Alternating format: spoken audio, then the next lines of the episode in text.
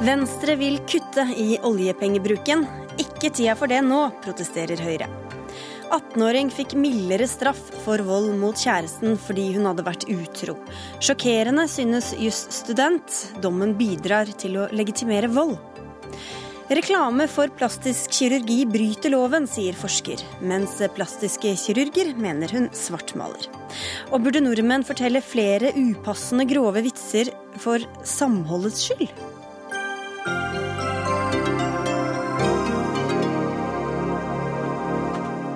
Vel møtt til ukas første Dagsnytt 18, som også skal handle om mannen som døde i dag, men som for mange år siden forårsaket Berlinmurens fall etter å ha forsnakket seg på en pressekonferanse. I studio denne mandagen, Sigrid Solund. For en halv time siden gikk partilederne i sonderinger om det som eh, skal, eller i hvert fall kan, ende med et eh, asylforlik. En av hodepinene de tar med seg, er hvordan asyltilstrømmingen skal finansieres. Og med seg inn i samtalene fikk de Venstres alternativ til statsbudsjett som ble lagt fram i dag. Sonderingene skal vi komme tilbake til, men Venstres budsjett skal vi dvele ved. For eh, dere vil bruke 4,5 oljemilliarder mindre enn regjeringa legger opp til. Nestleder i Venstre, Terje Breivik, hvorfor er det lurt samtidig som vi da står overfor ekstra utgifter pga. den asyltilstrømningen? Det er jo to, det er to store regninger eh, vi som i dag har ansvar for statsbudsjettet, risikerer å sende til kommende generasjoner. Eh, den, den viktigste er jo klima, klimaregningen. Da må vi svare på dette budsjettet. Og det andre er jo eh, oljepengebrukregningen.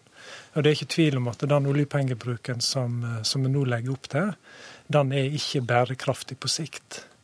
Eh, det eh, alternative budsjettforslaget som Venstre presenterte i dag, viser jo at det er fullt mulig å ha flere tanker i hodet samtidig.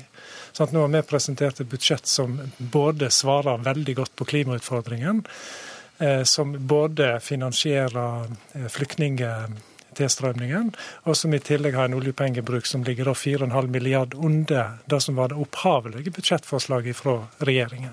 Og Da er jo spørsmålet hvor dere kutter, og hvem som må ofre hva?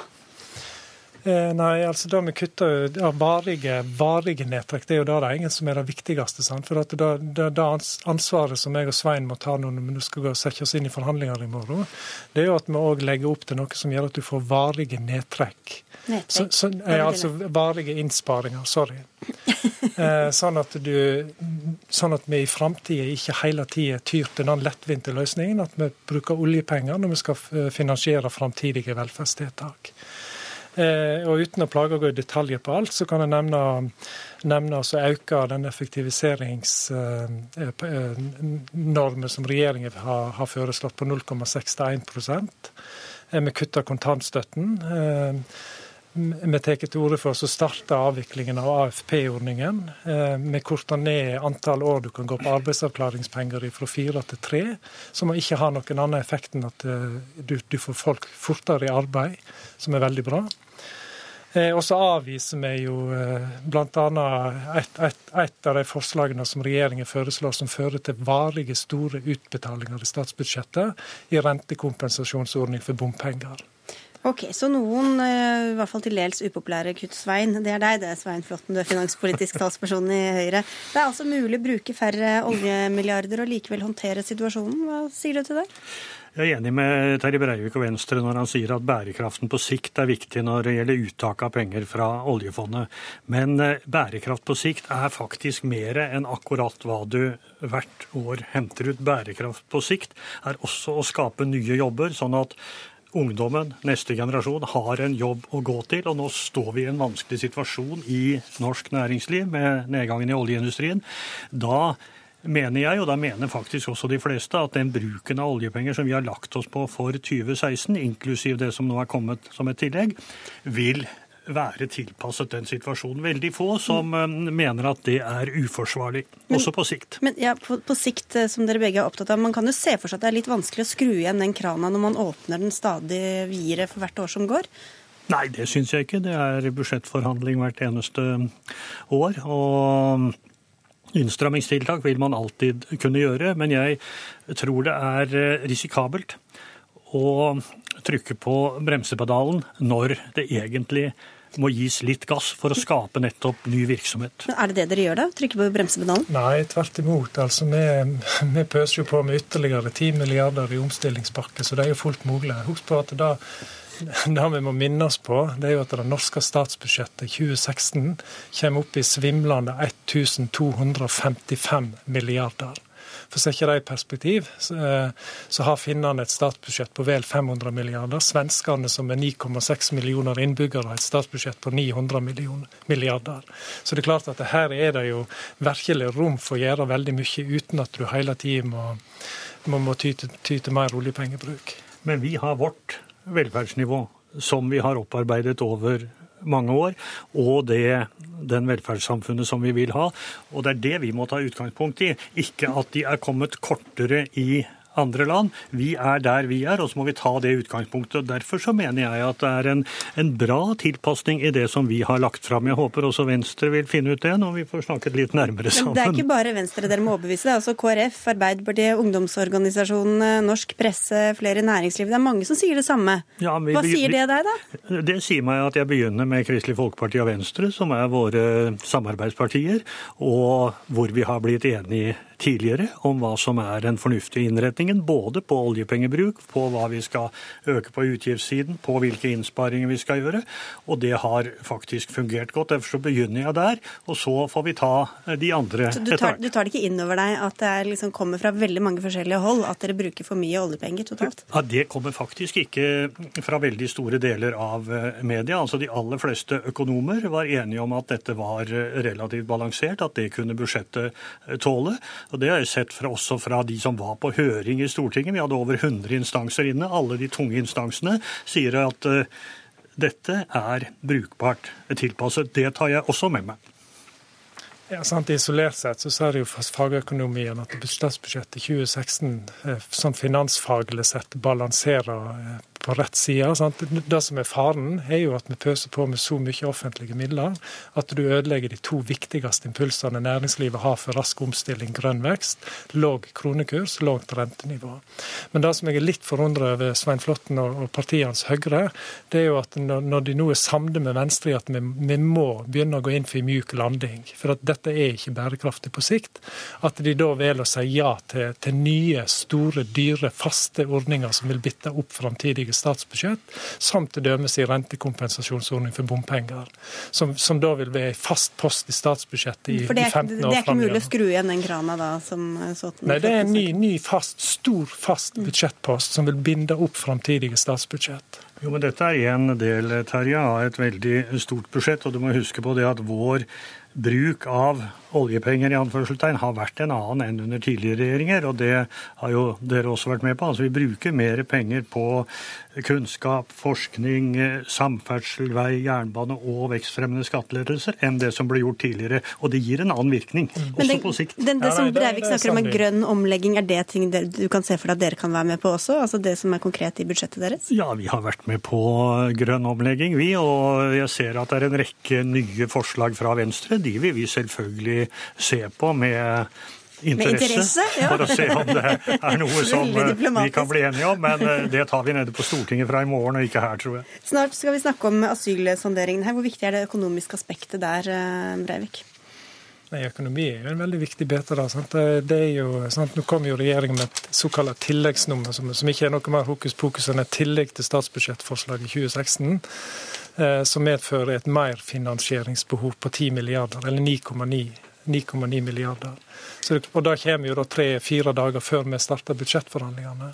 Så det er klart det er jo med på å gjøre budsjettforhandlingene om ikke vanskeligere, så iallfall betydelig mer komplekse. Og i morgen starter det altså på, på kammerset. Det blir spennende. Dere får ha hotline inn hit til eh, Dagsnytt 18. Vi kommer når det blir kallet og vi har gode nyheter å fortelle. ja. Takk skal dere ha i hvert fall for at dere begynte så vidt her i all offentlighet, eh, Svein Flåtten og Terje Breivik. Dagsnytt 18 alle hverdager klokka 18.00 på NRK P2 og NRK2. Akkurat nå sitter som nevnt de parlamentariske lederne samlet og diskuterer innvandrings- og integrerings- og asylpolitikken. Bare den siste uka i oktober søkte 2365 personer om asyl i Norge. Det er ny ukesrekord. Til sammen kom det 8800 asylsøkere i oktober, ifølge tall UDI la fram i dag. Og dette er jo tall som skaper bølger i det norske samfunnet og hos politikerne. Politisk kommentator her i NRK, Magnus Takvam. Hva slags tiltak og politiske virkemidler er er det egentlig snakk om at skal sonderes om nå? Ja, det er uh, uklart uh, på forhånd, fordi uh, det, er, det, er, et av temaene de, de, snakker om i øyeblikket. Noen vil la dette bli et omfattende forlik à la klimaforliket, mens andre tror jeg har utgangspunktet bare at man skal sondere og se hvor de andre partiene står i en veldig krevende situasjon. Eh, men jeg tror nok at de, de, eh, en del av de tingene som regjeringen la fram i denne tilleggsmeldingen sin eh, med framtidige innstramminger om, om oppholdstid, familiegjenforening, ytelsesnivå og slike ting, vil bli tema. Hanne Kavli, du forsker på innvandring og integrering ved forskningsstiftelsen Fafo. Det er altså en ekstraordinær situasjon. Hvilke utfordringer eh, møter politikerne? Hvordan må de kanskje bli tvunget til å tenke nytt, tror du? Jeg tenker at de står overfor utfordringer både på kort og på mellomlang og på lang sikt. Hvis jeg skal si noe om de utfordringene de står overfor på kort sikt, så tror jeg kanskje at jeg vil trekke fram eh, fra mitt felt, altså bosettingspolitikken. Eh, I dag så er det sånn at eh, kommunene kan langt på vei bestemme selv om de vil bosette flyktninger og hvor mange. Men det er klart at med den tilstrømningen av flyktninger som vi ser nå, så blir det i økende grad et trykk i bosettingsapparatet, og vi vil se lengre køer eh, av folk som venter i asylmottak på det som på eh, dette språket heter å få en kommune. Mm. Altså komme ut i kommunen og få starta på den integreringsjobben som skal gjøres der ute. Og Da har det vært snakk om både tvangsbosetting og frivillig bosetting, altså at, eller at flyktningene selv kan, kan finne seg et sted å bo? Ja, eh, og der, der, kan vi jo egentlig se til Norden. altså Det er ulike modeller i de nordiske landene. I Danmark så er det litt enkelt sånn at eh, der bestemmer staten. De fordeler mellom regioner eh, hvor mange flyktninger som skal bosettes, og så blir regionene enige seg imellom om den mer lokale fordelingen innen sin region. Eh, I Sverige så har de en modell der flyktningene i ganske stor grad bosetter seg selv. De som kan og har mulighet, de kan finne seg bolig på egen hånd. Mens i Norge så er det altså sånn at eh, kommunene bestemmer. Hvilke andre aspekter er det de burde snakke om, da, ut fra et forskningsståsted? På litt, eh, på litt, lengre sikt så er det jo snakk om en kapasitetsutfordring også i kommunene nå som skal ta imot disse flyktningene. Fordi de skal jo gjennom et eh, introduksjonsprogram eller et kvalifiseringsapparat som gjør overgangen lettere inn i det norske samfunnet generelt, og ikke minst inn i arbeidsmarkedet. Og da er det snakk om hva de trenger av kvalifisering. Eh, for å få til dette. Og Der er det antagelig ikke sånn at én modell vil passe alle. Da må man tror jeg, tenke differensiert. Vi vet foreløpig ikke så veldig mye om hva som kjennetegner de flyktningene som kommer eh, i denne store bølgen. F.eks. når det gjelder tidligere arbeidserfaring og utdanningsnivå. Men vi kan være ganske sikre på at det vil variere. Mm. Noen vil trenge litt kvalifisering for å komme i jobb. Andre vil trenge mye. Og Der er det et potensielt dilemma også, Magnus Takvam. fordi Regjeringa som du inne på, de, de, ønsker å kunne sende folk tilbake eh, hvis det er blitt bedra forhold i hjemlandet etter fem år. Samtidig som de ønsker, eh, eller alle ønsker jo at integreringa skal begynne så fort som mulig med sånne tiltak som Hanne Kavli er inne på. Ja, selvfølgelig. Og det er jo det dilemmaet om i hvor stor grad man skal ha dette med midlertidighet i, i oppholdet. Det er et svært eh, tema, og der er signalene fra denne regjeringen at de i større grad skal eh, bruke det. De skal utvide det til eh, fem år, og en reell vurdering av om situasjonen i opprinnelseslandet har endret seg, slik at man da i den typen tilfeller kan sende folk tilbake. En annen side av dette, som er et svært felt, er jo at en del av gjennomgangen skal også gå på om det er mulig i enkelte land, til enkelte land som i dag produserer mange flyktninger, å endre politikk fra Norges side. F.eks. Eritrea så viser man til i denne tilleggsmeldingen at land som Frankrike og Storbritannia har en mye mer restriktiv politikk når det gjelder å ta imot eh, asylsøkere fra Eritrea, mens i Norge får nesten alle da opphold.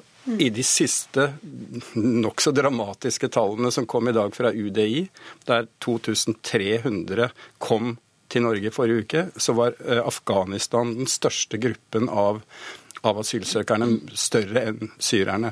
Og der vil det også bli typisk en diskusjon eh, om retur til Afghanistan. Er det mulig å sende de til eh, områder i Afghanistan der det er eh, mer trygt, internflukt til internflukt? Så den typen debatter vil man også måtte ta. Hanne Kavli, Det er jo uansett i hvert fall mange av dem som kommer til å få opphold i Norge. og Hva vet vi da om hvilke integreringstiltak som virker, virkelig virker? Hmm. Det er, det er, et vanlig spørsmål jeg får. Jeg syns det er veldig vanskelig å svare på. Og noe av grunnen til at det er vanskelig å svare på, er at svaret er det varierer. Eh, vi vet at arbeidsretta tiltak fungerer godt for de som har nok kvalifikasjoner i bånn til at de kan dra nytte av det. Eh, samtidig så er det sånn helt åpenbart at en person som har en del utdanning og arbeidserfaring, eh, vil trenge en annen type kvalifisering enn en analfabet.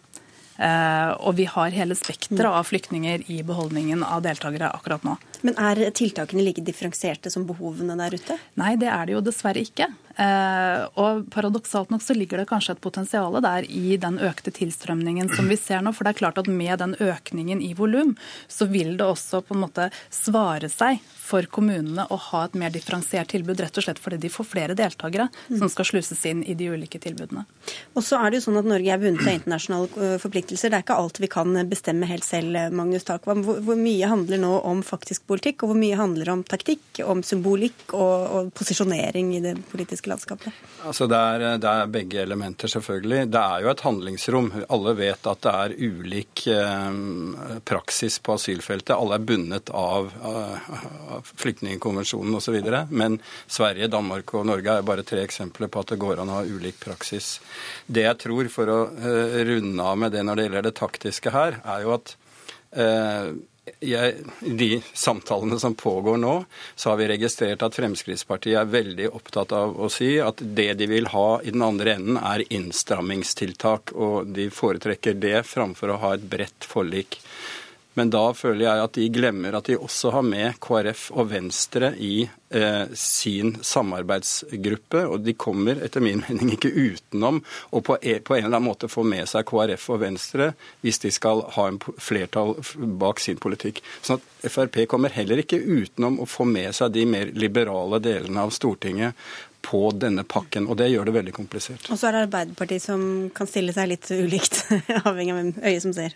Ja, altså Arbeiderpartiet er, tror jeg er opp, poli, altså, taktisk politisk sett opptatt av å nøytralisere Frp. Det er, det er for så vidt både Arbeiderpartiet og andre vil nødig ha et fristilt Frp på utsiden i en situasjon som alle kan se kommer til å bli veldig krevende når det gjelder eh, flyktningsituasjonen i Norge. Mm. Vi får se. Takk skal dere ha i hvert fall i denne runden, Magnus Takvam fra NRK og Hanne Kavli fra Fafo.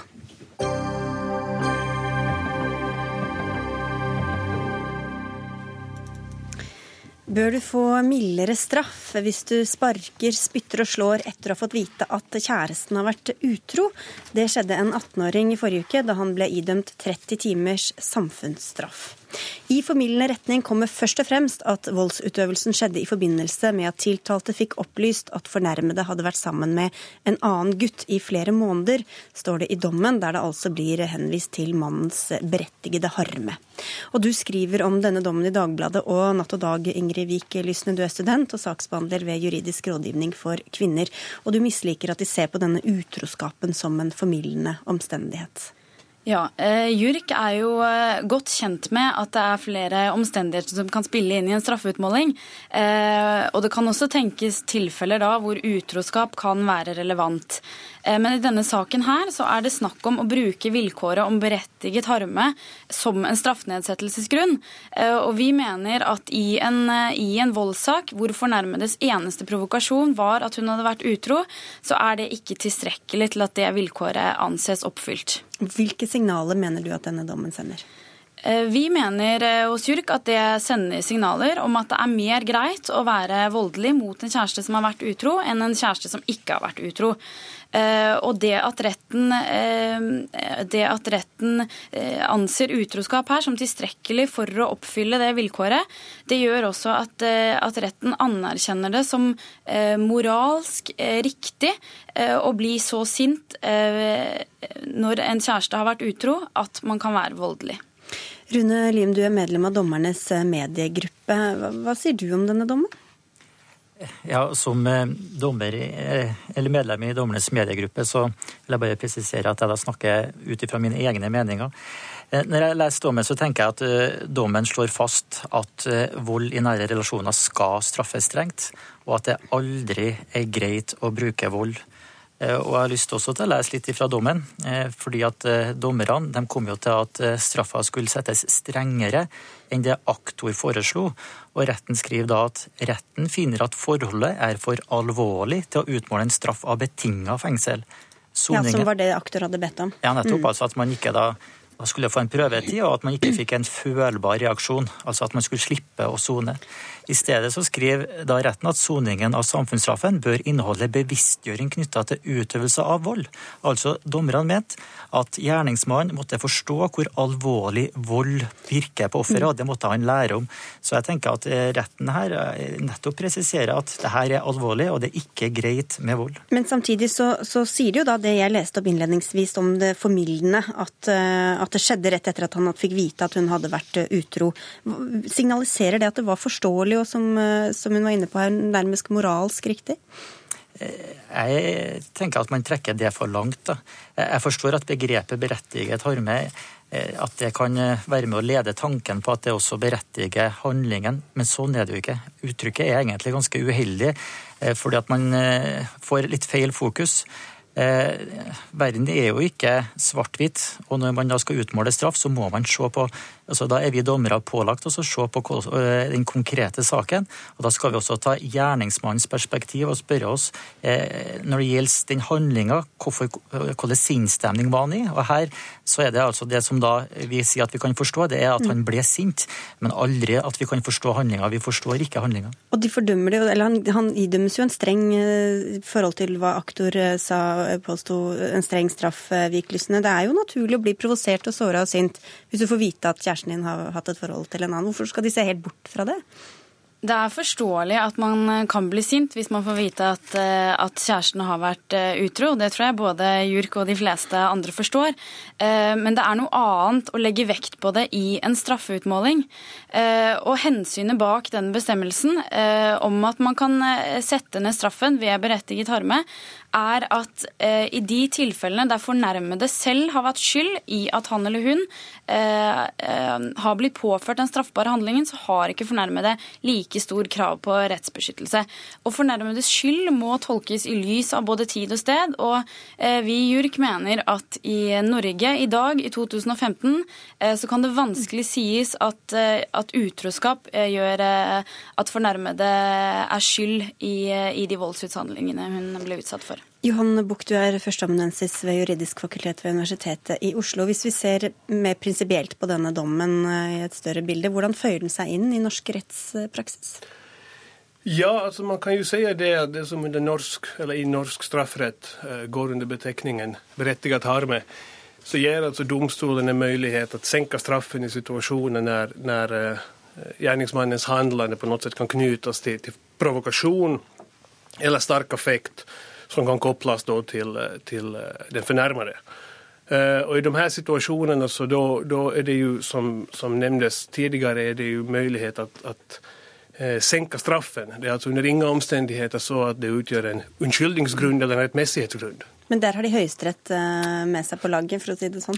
Ja, det finnes jo to dommer. Det finnes jo en fra Høyesterett, og det finnes jo en fra, fra og det Borgarting eller Hågalands lagmannsrett, der man sier at at, en, at, at utroskap, åtminstone hva gjelder ektefelle og samboer, så kan utgjøre en sånn grunn som berettiger til berettiget harme.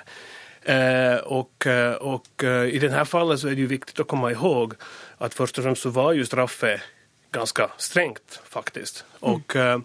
og, for det andre så er det under ingen omstendigheter diskusjon om at gjerninger på noe sett er berettiget Utan det her er en omstendighet blant øvrige omstendigheter som tas i beaktende i påföljdsbestämningen. Og det er jo snakk om en uplanlagt, en spontan uh, vold her. Uh, hvordan vet du da at den signaleffekten som du snakker om er så viktig altså for andre som, som kan havne i samme, samme situasjon, da, for å si det sånn? Signaleffekten eh, Det vi anser som, eh, som uheldig, er at det, eh, at det sender et, et, moraliserende signal fra, fra, retten, mener vi. Og det er jo sånn at den bestemmelsen skal brukes sånn at, at jo mer alvorlig den straffbare handlingen er, jo verre må den forutgående provokasjonen ha vært for at vilkåret om berettiget harme skal skal anses oppfylt. Og det er jo flere eksempler fra, fra rettspraksis eh, eh, hvor den straffbare handlingen og provokasjonen har vært nærere hverandre enn i dette tilfellet. For eksempel er det en dom fra 2007 eh, der tilfellet var at eh, tiltalte hadde slått ned en mann eh, i ansiktet, så han brakk nesen. Eh, fornærmede hadde da i forkant eh, poket og prikket på både brystet og ryggen til, eh, til, tiltalte, og i tillegg tatt et skikkelig balletak på han. I det tilfellet er det ikke problematisk at vilkår om berettiget harme brukes, men i et tilfelle som her, hvor det bare er utroskapet som er provokasjonen, så mener vi at vilkåret ikke er oppfylt. Ja, altså, Det kan jo kommenteres at, at, at det jo er, det jo er Eh, i nordisk perspektiv helt vanlig forekommende at, at man har möjlighet å beakte denne typen av omstendigheter. Jeg tror det er en del også av den nordiske humane strafferettspolitikken at, at denne typen av omstendigheter kan tas i beaktende. En annen sak som er viktig å påpeke her, er jo det at, at, at mye har å gjøre med, med vilken akuthet som ligger til grunn. Og, og det er jo en vurdering som domstolen må ta i ljuset av fakta. Og det er veldig vanskelig å sitte her og gjøre en omprøvning av, mm av, av, av, av den, den, den, situasjonen. Men Du sier det er vanlig, men betyr det at det er rett, da?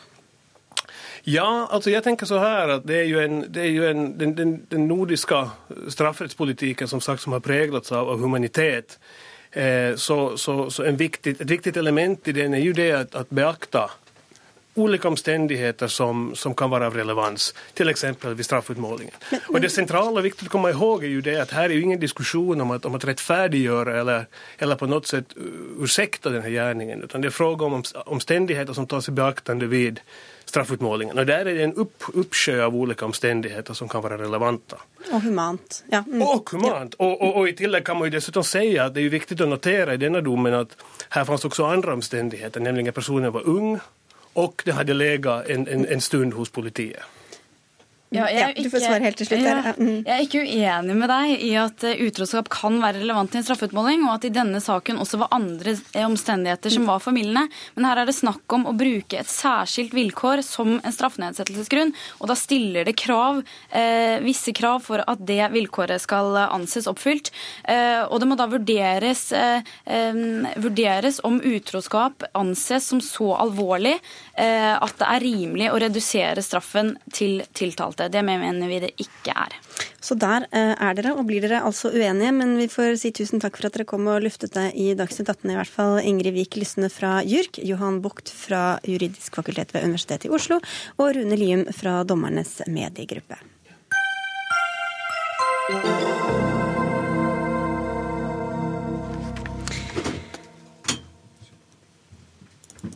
En seier for eh, demokratiet, slik beskriver i hvert fall den tyrkiske statsministeren resultatet etter gårsdagens valg. Der vant statsministerens parti tilbake flertallet i nasjonalforsamlingen med 49,1% av stemmene. Dette var fjerde gangen på to år at tyrkerne gikk til urnene. Korrespondent Kristin Solberg, regjeringspartiet AKP vant altså valget klart. Hvordan blir valgresultatet omtalt i Tyrkia i dag? Her er det egentlig bare to ytterpunkter i dag. Det er enten glede eller sorg, eller eh, håp eller fortvilelse. Altså Mange liberale tyrkere frykter hva som vil skje når AKP igjen har fått en, eh, kan danne flertallsregjering og styre uforstyrret, og frykter da den, at landet skal gå i en ikke-demokratisk retning.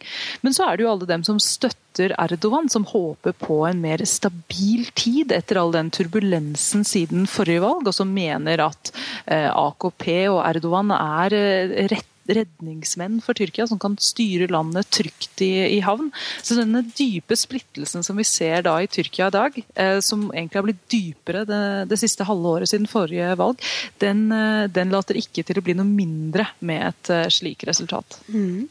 Naji Akuk, du er eh, venstrepolitiker og opprinnelig fra Tyrkia. Du har god kontakt med, med folk der. Internasjonale observatører har flere bekymringer etter valget. Er det grunn til det, tror du?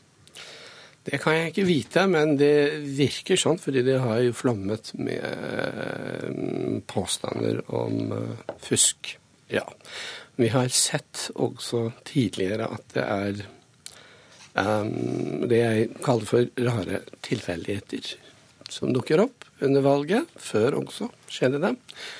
Så ja, er, jeg vil tro at det er grunn til å tro det. Mm. Erdogan, altså presidenten, har uttalt at tyrkerne har valgt stabilitet. Hva tror du dette resultatet kan gjøre for hans eh, maktposisjon? Vel, mm, hvis jeg får lov, så vil jeg gjerne begynne med forrige gang jeg var her, like etter 7. juni, og kom med en spådom. Eh, vi hadde en lite veddemål, nesten, ikke helt. Eh, jeg sa at det ville bli nyvalg, bare ikke med en gang. Mm, du fikk rett? Jeg fikk rett. Og eh, hadde ikke, vi hadde ikke tid den gangen å analysere hvorfor det. Men um, det er veldig tydelig at uh, AKP og AKP-topp, ikke bare det, bare Erdogan, har ganske mye å tape hvis de mister makten, og hvis de mister immuniteten. Det er jo allerede fem tilfeller av pengebruk som er bevisst, og som de har innrømmet faktisk over TV og altså Korrupsjon, eller? Ja, det, altså pengebruk er det jeg kaller det jeg velger å kalle det for. Men det, er ikke, det, ja, det, er ikke noe, det er ikke noe som gått til rettssak, og mm. det, det, det, er ikke noe dom mm. om at det er korrupsjon.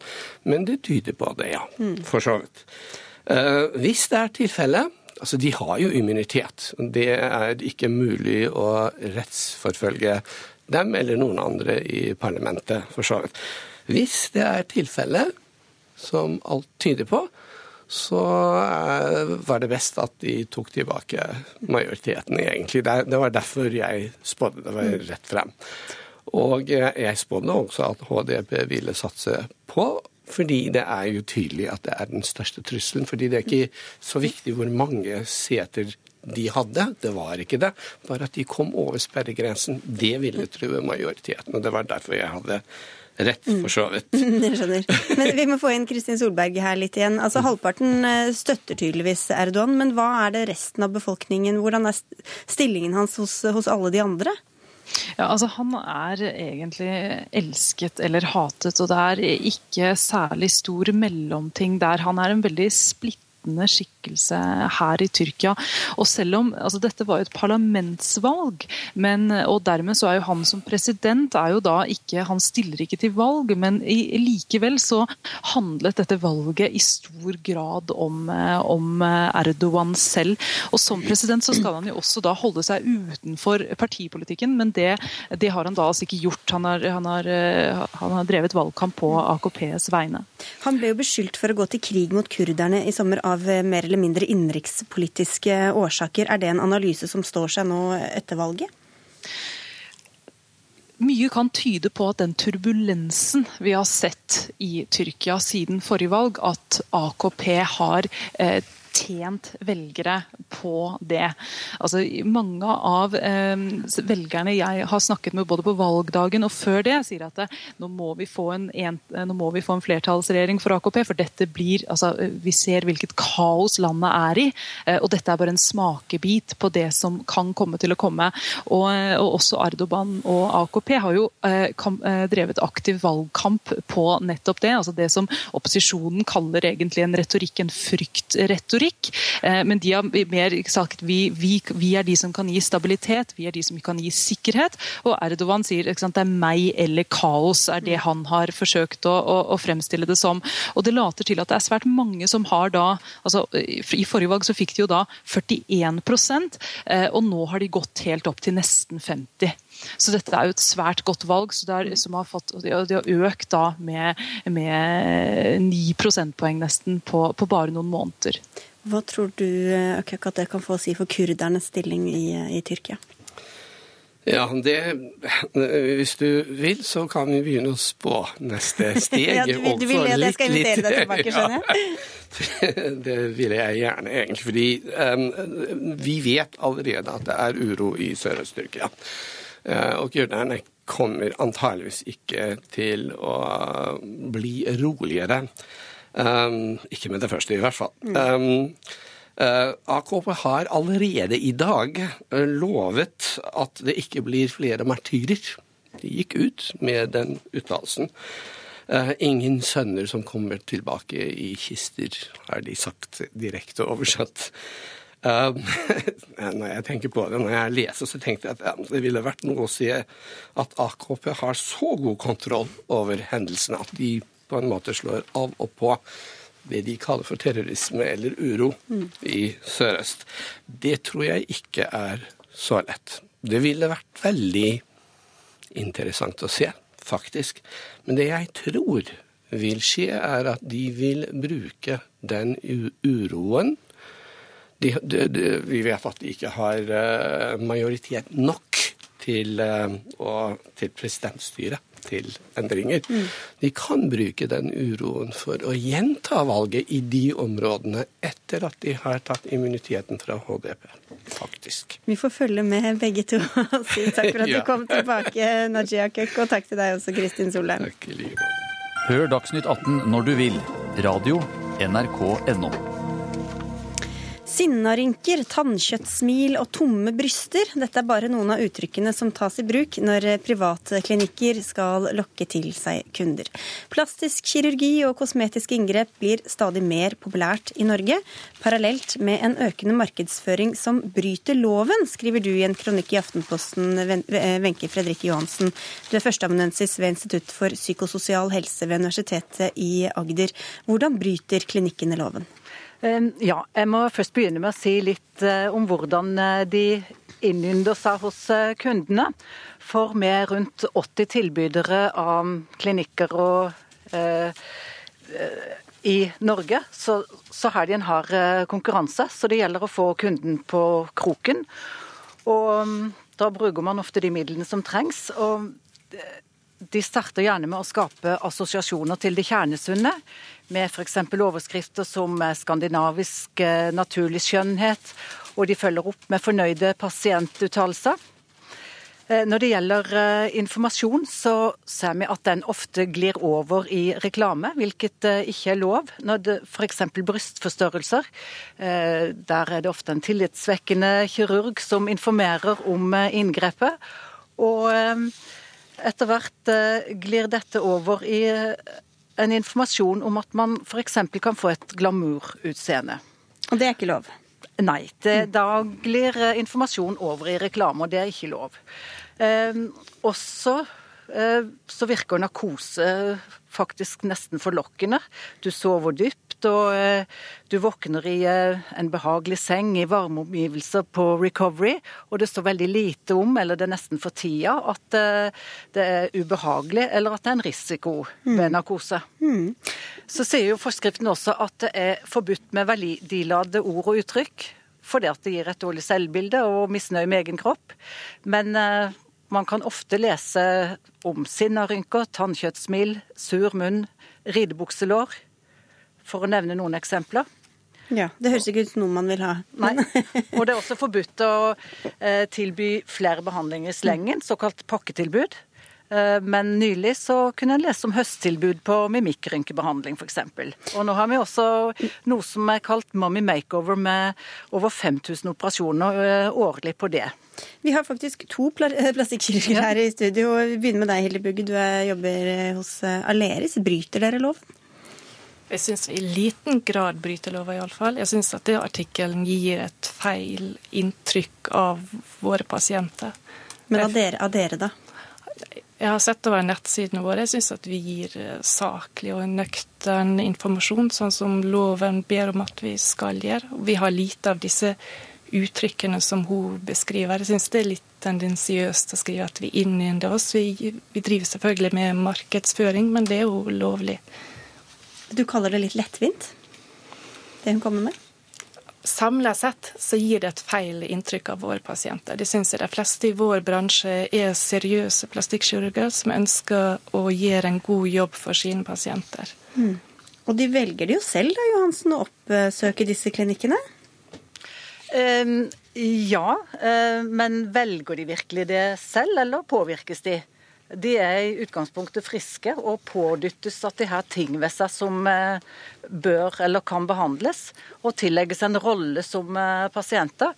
Man må jo si at Det er særlig betenkelig å formidle til unge at eh, de har ting som bør forandres på. Og så kan jeg spørre, ville titusener av norske kvinner tatt silikon i brystene uten reklamepåvirkning? Og hva er det som gjør at det blir viktig å legge Botox i leppene? Og er det et fritt valg når et utseende beskrives på en eh, utiltalende måte. Mm. Ville det f.eks. vært like mange som fjerna pannerynker dersom man kalte det intelligensrynker istedenfor sinnarynker? Vi kan jo høre med deg, Jarl Bunes. Du er jo en gammel traver i faget. Du er nese- og ansiktskirurg og jobber på klinikken Bærum plastikkirurgi. Disse ordene, altså ridebukselår og tannkjøttsmil og sinnarynke, er det OK å bruke det i markedsføringa? Nei, altså Jeg er veldig enig med mye i den kronikken når det gjelder eh, utilbørlig og, og fristende reklametilbud. 50 eh, på Botox ut uh, måneden osv. osv. Ta med en venn, og så får hun det også. Jeg er helt absolutt jeg er enig med henne. Det er helt tullete. Og det er så mange aktører i dette markedet. Du kan jo gå rundt omkring på Frogner, og du, får, du kan få Botox på hvert eneste hjørne. Eh, jeg må bare si til da denne eh, kronikøren at eh, Botox i leppene er ikke særlig lurt. fordi da kan man ikke bevege leppa. Bare sånn så det er klart, da. men, det er ikke alle av oss som er like inne i sjargongen. Men jeg, jeg, kjenner meg i forhold til min egen klinikk og min egen, akkurat som Hilde er, så kjenner vi oss helt absolutt ikke igjen. Og det at hun driver og nevner ting som tuberbryst, som er altså et, et, et, en forferdelig tragisk medfødt misdannelse i samme slengen i det hun spyr opp, det syns jeg er ganske men, tragisk. Men hva slags skjønnhetsidealer er det dere fremmer, da? For altså, helt vanlige vi, kropper og utseende? Ja, vi, vi fremmer ikke skjønnhetsidealer i det hele tatt, vil jeg si. Altså Det vi fremmer og det vi driver med, det er å korrigere f.eks. pasienter som, eh, som ja, La meg si utstående ører, da. Er ikke det lov? Det har, lov, det har det vært lov i alle herrens år å rette på utstående ører. Veldig mange av de tingene vi gjør, er faktisk medfødte eh, både misdannelser, medfødte, eller skader som har opptrådt i barneår, skjeve neser f.eks. Er det noe galt i, for, i forhold til å, å, sette inn ørene? Absolutt ikke. Så det hun, eh, hun, gjør, og som hun gjør som er feil, det er at hun, hun bruker et altfor stort spekter i denne kronikken sin. Hun, hun tar inn altfor mye av seriøs eh, virksomhet. F.eks. aknearr. Det, ja. altså det er noen som ikke ser ut i ansiktet pga. dype arr. Er det ålreit at man går Hvilke kroppsideal er det du snakker om? Vi får høre med Johansen, da. Det blir liksom helt eh, det blir For meg så blir det så Altså Jeg har skrevet et tilsvar til denne kronikken som jeg ennå ikke har sendt, men den kommer. Da, dere må jo også lese slutten, for jeg skriver at det vil alltid være mulig og nødvendig med kosmetisk eh, tilbud, eller kosmetisk eh, kirurgi. Det være seg etter sykdom, etter medfødte misdannelser, etter akne som du snakker om, etter eh, noen fødsler og etter sykdom. Men det er ikke det jeg snakker om. Jeg snakker om eh, tilbud og reklame til friske norske jenter og kvinner som er salg av en vare, og ikke er eh, et eh, behov for medisinsk eh, behandling. Det er det jeg snakker om. Men må høre med deg, Hildebugge. De fleste av oss ser jo helt vanlige ut med feil og skavanker eller skjønnhetspletter, eller hva man velger å kalle det. Hva slags ideal mener du at dere er med på å fremme i samfunnet? De fleste av våre pasienter er iallfall helt vanlige folk, sånn som du sier, som som ikke er ute etter modellkropp eller å være glamourmodell. Ikke at det er noe galt i det, men at det, de fleste er helt vanlige folk som har tenkt over et inngrep i veldig lang tid, og som ønsker en korreksjon av et eller annet, gjerne noe som har forandret seg med alderen eller etter graviditet. Men tror dere at dere gjør folk mer eller mindre fornøyd med utseendet sitt sånn som de er i utgangspunktet? Eh, det er, jeg har gjort en undersøkelse på dette og eh, for, for, noen år siden hvor vi tok 100 pasienter vi hadde operert, og fikk da vite at uh, i hvert fall 80% var mer tilfreds med seg selv, hadde, hadde mindre uh, problemer med altså Mange blir jo mobbet, ikke sant? f.eks. pga. utseendet. Jeg hadde to pasienter, to tvillinger en gang, som jeg opererte i 15-årsalderen, som hadde pinocchio-neser. De gikk ikke på skolen lenger. De, de, var anorektikere. De var, ikke sant? Er, man men, kan ikke skjære alle over én kam, som denne og, og kronikken det, gir et inntrykk av. Unnskyld, unnskyld meg, men, men, det gjør vi heller ikke. Og det er du, du absolutt det, eh, ikke det, det sitter man igjen med som et inntrykk nei, at det gjør du. jo, du har noen er, få setninger på slutten som, som, er litt sånn Ja, vi, vi må jo ha dere allikevel, ikke sant. Men du føler deg spesielt Jeg føler meg når jeg leser Kan ikke du få snakke ferdig? Jeg føler meg som, uh, som en ikke-medisiner, nærmest, etter å ha lest den den der sånn. Men jeg føler at hver eneste dag Altså, jeg takker for at jeg får lov til å være den jeg er. Og syns det er så fantastisk hva vi gjør. Og alle de kjempepositive feedbackene vi får, er altså beviset på at det vi gjør, er veldig, veldig OK. Du sitter i Kristiansand her, Johansen. Du skal få svare her på, på tampen. Og, og, jeg kan jo bare tenke at de vet eh, like godt som meg at det ikke de snakker om de eh, pasientene som eh, blir nevnt her nå. Men, og jeg må bare si, mm. Eh, hvis jeg kan få lov til å si eh, en ting til slutt, at eh, vi gremmes i dag over fortida. Vi gremmes over snørte føtter, vi gremmes over forlenging av halser, vi gremmes over trange korsetter hvor spillene kunne skjære seg inn i huden. Og i dag så legger vi friske folk i narkose, putt, kutter opp, sprøyter inn, syr igjen. Og jeg håper og tror at våre etterkommere vil gremmes over den praksisen eh, om en stund. Vi eh, får vente på svaret ditt i Aftenposten og si tusen takk eh, skal dere ha, Wenche Fredrikke Johansen, Hilde Bugge fra Aleris og Jarl Bunes, også plastisk kirurg. Hør Dagsnytt 18 når du vil. Radio NRK Radio.nrk.no.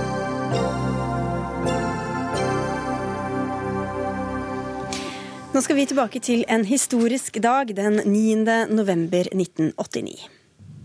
Det var politbyråmedlem Gynter Sjabowski som på en pressekonferanse i kveld offentliggjorde det dramatiske vedtaket i sentralkomiteen. Alle østtyske grensestasjoner mot Vest-Tyskland, inkludert grenseovergangene til Vest-Berlin, er fra og med i kveld åpne for alle østtyske borgere som ønsker å reise fra landet. Slik eh, lød det altså da NRKs Jon Røssum rapporterte fra pressekonferansen til politbyrået i Øst-Tyskland for 26 år siden. I dag døde Gynter Sjabowski, som vi hørte om her, som altså var talsperson for det kommunistiske partiet. I løpet av pressekonferansen forsnakker han seg og sier at innbyggerne i Øst-Tyskland nå kan krysse grensa over til vest. Og hva skjer så, Ket Hansen Bondt, du er generalsekretær i Den norske atlanterhavskomité? Jo, eh, folk rister litt på hodet. Det er en internasjonal pressekonferanse, og de spør Gunther Sjobowski når han skal eh, fortelle om de nye reisebestemmelsene i det det er, om når skal dette gjelde? Eh, og så ser han litt i papirene sine, og så sier han ja, hva jeg vet, så er det absofort. Det er nå, fra nå. Og Da blir det litt urolig i pressekretser, og så løper alle ut. Og så styrter mange østberlinere til grensen og står og nærmest banker på muren. Og grensevaktene, som jo er instruert for å skyte folk som går over muren. De vet ikke riktig hva de skal gjøre, eh, men sånn ved halv tolv-tiden på kvelden så åpner de altså Berlinmuren. så ved en inkurie så falt eh, muren nærmest? ja, eh, men nå var det mange prosesser som hadde gått foran. Vi husker godt at utpå vårparten i 1989, hvor dette fantastiske skjer dette året, så hadde man innkalt til rundebordkonferanse i Polen, hvor solidaritet med Lech Walesa sitter rundt bordet med Jaruzelski. Man har å forhandle frem reformer. Man har altså sett den ungarske utenriksministeren på det tidspunktet, Gaila Horn, klippe hull i jernteppet, bokstavelig talt, ved at man hadde en svær saks hvor man klippet over piggtråden til Østerrike. Så det var prosesser i gang. Og internt i Øst-Tyskland så hadde man jo fått disse mandagsdemonstrasjonene som vokste fra uke til uke, hvor folk ropte 'Wir sind das Folk', vi er folket, vi vil bestemme selv. Og så har man masseflukten, som var den andre prosessen som egentlig tok livet av Øst-Tyskland. Så det var en demning som brast, eh, kan du si, den kvelden. Det var det. Men hva tror du de høye herrer tenkte da de hørte denne pressekonferansen, eh, og hva han, eh, hva han faktisk sa? Jo, det er klart at de høye herrer ble bekymret.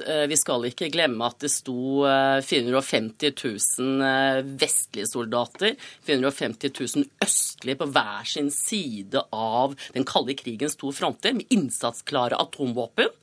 Rett rettet eh, ikke minst mot Tyskland. Og man var usikker eh, på hva den andre parten ville gjøre.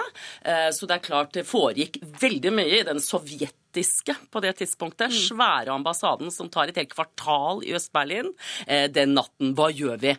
Og I ettertid så har jo Gorbatsjovs rådgivere sagt at uh, de, de, var sure for at han ikke ville sende inn tanks og beskytte den kommunistiske uh, verden, uh, og ikke minst Øst-Tyskland. mens Gorbatsjov skal visstnok ifølge sin utenriksminister Edvard Sjarmanatse skreket 'Vil dere ha den tredje verdenskrig, skal dere få den'. Tida løper fort her, men vi må bare så vidt tilbake til Gynter Sjabowski, som altså døde i går. Han ble kastet ut av partiet etter etter kommunistregimets eh, sammenbrudd. Hva slags rolle inntok han?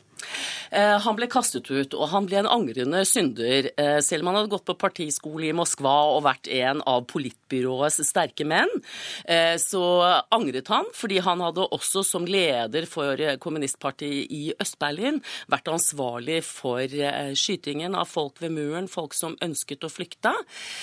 Så han satt omtrent et år i fengsel. Han fikk tre, men ble benådet. Og så ble han en journalist som han egentlig var utdannet som. Han var en gang redaktør for Neues Deutschland, partiorganet i Øst-Tyskland. Eh, ble journalist, eh, skrev mye, møtte opp på talkshows eh, og inntok egentlig en kritisk rolle til det han hadde vært med på. Han sa vi var ikke demokrater, og vi tvang folk til å mene det samme som oss. Vi skøyt dem til og med. Men så forsnakket han seg da, heldigvis. Det gjorde han, og muren brast. Tusen takk skal du ha, Kate Hansen Bondt, for at du kom til Dagsnytt 18.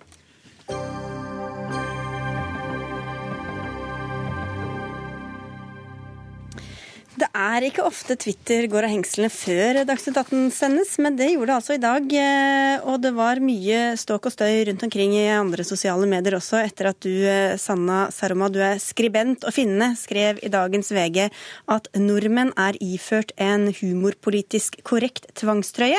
I dette lettstøtte landet skjønner man ikke at grove og upassende vitser kan skape samhold. Dette må du forklare. Ja, altså jeg, jeg syns jo denne halshuggingen på Twitter er veldig underholdende. fordi det understreker poenget mitt. Og poenget mitt er jo at eh, den norske politisk korrektheten, den politisk korrekte tvangstrøyen den er så trang at det finnes veldig klare rammer om hva vi kan snakke om i Norge, og ikke minst hva vi kan tøyse om, hva vi kan spøke om. Så denne her kronikken min som opprinnelig het 'En neger og en bøtte med dritt', eh, altså det ble jo selvsagt omgjort. Eh, altså Negeren ble omgjort til en afrikaner, og hele overskriften ble endret fordi dette ble for hardt kost for, eh, selv for VG. Eh, og, og, og, dette er jo altså dette er ting som ikke passer inn i den norske politiske korrektheten, fordi man ikke kan tulle. Man kan ikke ha man kan ikke ha rasistiske vitser, ikke ha vitser om homofile. Altså, eller da må man i hvert fall være svart selv, eller homofil selv, for å kunne komme med det. Men kan det bare være at vitsen ikke er noe morsom, da? Nei, og det, for, for all del. Altså, dette var jo julebord, en julebordvits eh, fortalt eh, etter mange promiller. Eh, så, så, for all del, altså, det høres ikke så morsomt ut når man er edru. men, men, like, men, likevel, altså, likevel, likevel altså at, eh, På julebordskontekstet så burde man i hvert fall le. Mm. Mimmi Kristiansson, du er nyhetssjef i Klassekampen og har vel også vært standup-komiker selv. Hva syns du om eh, analysen og for så vidt vitsen?